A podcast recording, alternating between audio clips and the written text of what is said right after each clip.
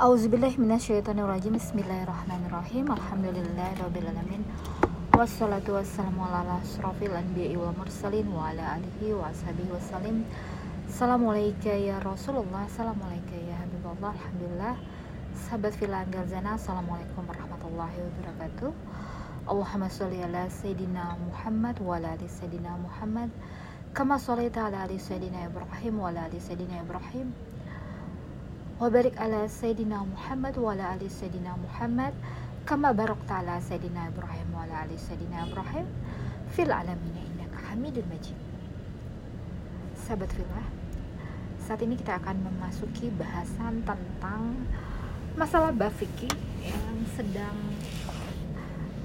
aku telusuri ya, bagaimana tentang keutamaan ya, sunnah haram bolehnya atau tidaknya seorang wanita yang sedang haid mempelajari dalam arti mempelajari Al-Quran. Uh, belajar baca Quran. Bukan niat untuk membaca Al-Quran tapi belajar membaca. Belajar membaca tapi dilarang orang untuk membaca Al-Quran. Ya. Tapi bukan dilarang membaca belajar. Belajar tidak ada larangan. Dalam belajar tidak ada larangan. Tapi di sini ada belajar membaca Al-Quran. Dilarang membaca Al-Quran. Coba kita telusuri dulu hal ini. Mengapa dilarang membaca Al-Quran Perlu diketahui bahwa lafaz Al-Quran ini adalah sebuah mukjizat, sebuah keagungan, sebuah hal yang sangat sakral, sebuah bait yang mengandung cahaya.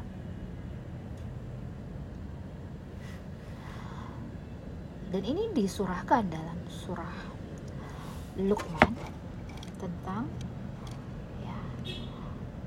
dilarang untuk ya yang tidak mempunyai yang memiliki hadas ya atau tidak dalam keadaan suci untuk tidak membaca Al-Quran. Ya kita coba dulu uh, telusuri hal ini. Untuk belajar itu tidak ada tapi masalahnya ini adalah yang belajarnya ini adalah harus mempergunakan ya bacaan Quran. Jadi untuk apa sih niatnya ini ya mengagumkan Al-Quran sebagai sumber cahaya sebagai um, mukjizat jadi kalau orang tersebut dalam keadaan tidak berwudu, memiliki hadas besar, contohnya sedang haid, tentulah ya uh, dia tidak diperkenankan untuk membacanya. Karena ini adalah sifatnya adalah cahaya, kebaikan, kebenaran. Ya, akan menjadi suatu efek yang lebih baik bila seorang yang membaca Al-Quran ini memiliki wudhu dalam keadaan bersuci. Ya, untuk untuk orang-orang yang sedang dalam keadaan kotor, sedang haid, sedang junub itu dilarang untuk membaca Al-Quran. Tapi diperbolehkan untuk belajar. Namun yang dipelajarinya ini suatu hal yang mulia, yaitu bagaimana membaca Al-Quran urgensinya adalah bahwa pelajari Al-Quran ini ya, ibaratnya adalah sesuatu yang diulang-ulang setiap hari atau setiap minggu ya. apabila kita tidak belajar Al-Quran ya, diperbolehkan kita untuk melakukan ibadah-ibadah yang lain Bagaimana dengan belajar? Ada dua kontra kontradiksi di sini adalah yang satu adalah diperbolehkan belajarnya tapi tidak diperbolehkan membacanya.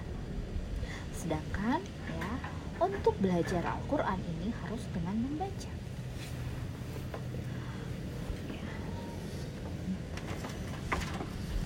Untuk belajarnya sendiri tidak menjadi masalah. Ya. Dan tujuannya di sini adalah sebagai suatu yang menjadi satu rutin rutinan ya. Rutin dan untuk juga ya menghormati guru yang setiap hari atau setiap minggu datang gitu untuk kita juga datang untuk hadir dalam majelis niatnya adalah satu adalah tolabul ilmu mencari ilmu kedua untuk menghormati guru yang sudah hadir. Untuk juga sebagai ya, ilmu itu cahaya. Intinya adalah di sini adalah saking mulianya Al-Quran kita harus dalam keadaan suci harus dalam keadaan wudhu ya, karena sifatnya Al-Quran ini cahaya. Kita sangkut pautkan dengan sholat. Sholat adalah sesuatu yang sakral. Bolehkah belajar sholat kalau kita sedang haid? Kita tidak melakukan sholat tersebut tapi kita belajar sholat. Boleh. Bolehkah kita belajar tawaf sedangkan kita sedang haid? Boleh. Bolehkah kita tawaf padahal kita sedang haid? Tidak boleh kita tapi belajar tawaf itu boleh. Karena tidak sedang melakukan sebuah ibadah yang sifatnya ada uh, prasyaratnya. Ada tahapannya untuk bisa melakukan itu harus bersuci dan lain sebagainya. Mungkin ini bisa menjadi satu masukan bisa dipelajari lebih lanjut lagi ya, bagaimana menanggapi hal ini semoga yang sedikit ini bisa menambah ya, wawasan kita untuk bisa memahami tentang uh, bagaimana kita mensikapi ya beragam Eh, persinggungan di antara ini. Semoga bisa dipahami, semoga bisa menjadi suatu nilai kebaikan yang lebih dalam kita meraih kebaikan. Intinya, intinya adalah ini adalah semua niatnya adalah untuk kebaikan. La ilaha illallah Muhammad Rasulullah tidak ada satupun hal yang kita ingin uh, kita capai dari hal ini untuk keburukan tidak ada. Semuanya adalah untuk kebaikan dalam dalam rangka tolabul ilmi semoga bermanfaat. Assalamualaikum warahmatullahi wabarakatuh. Subhana rabbika rabbil izzati amma Assalamualaikum warahmatullahi wabarakatuh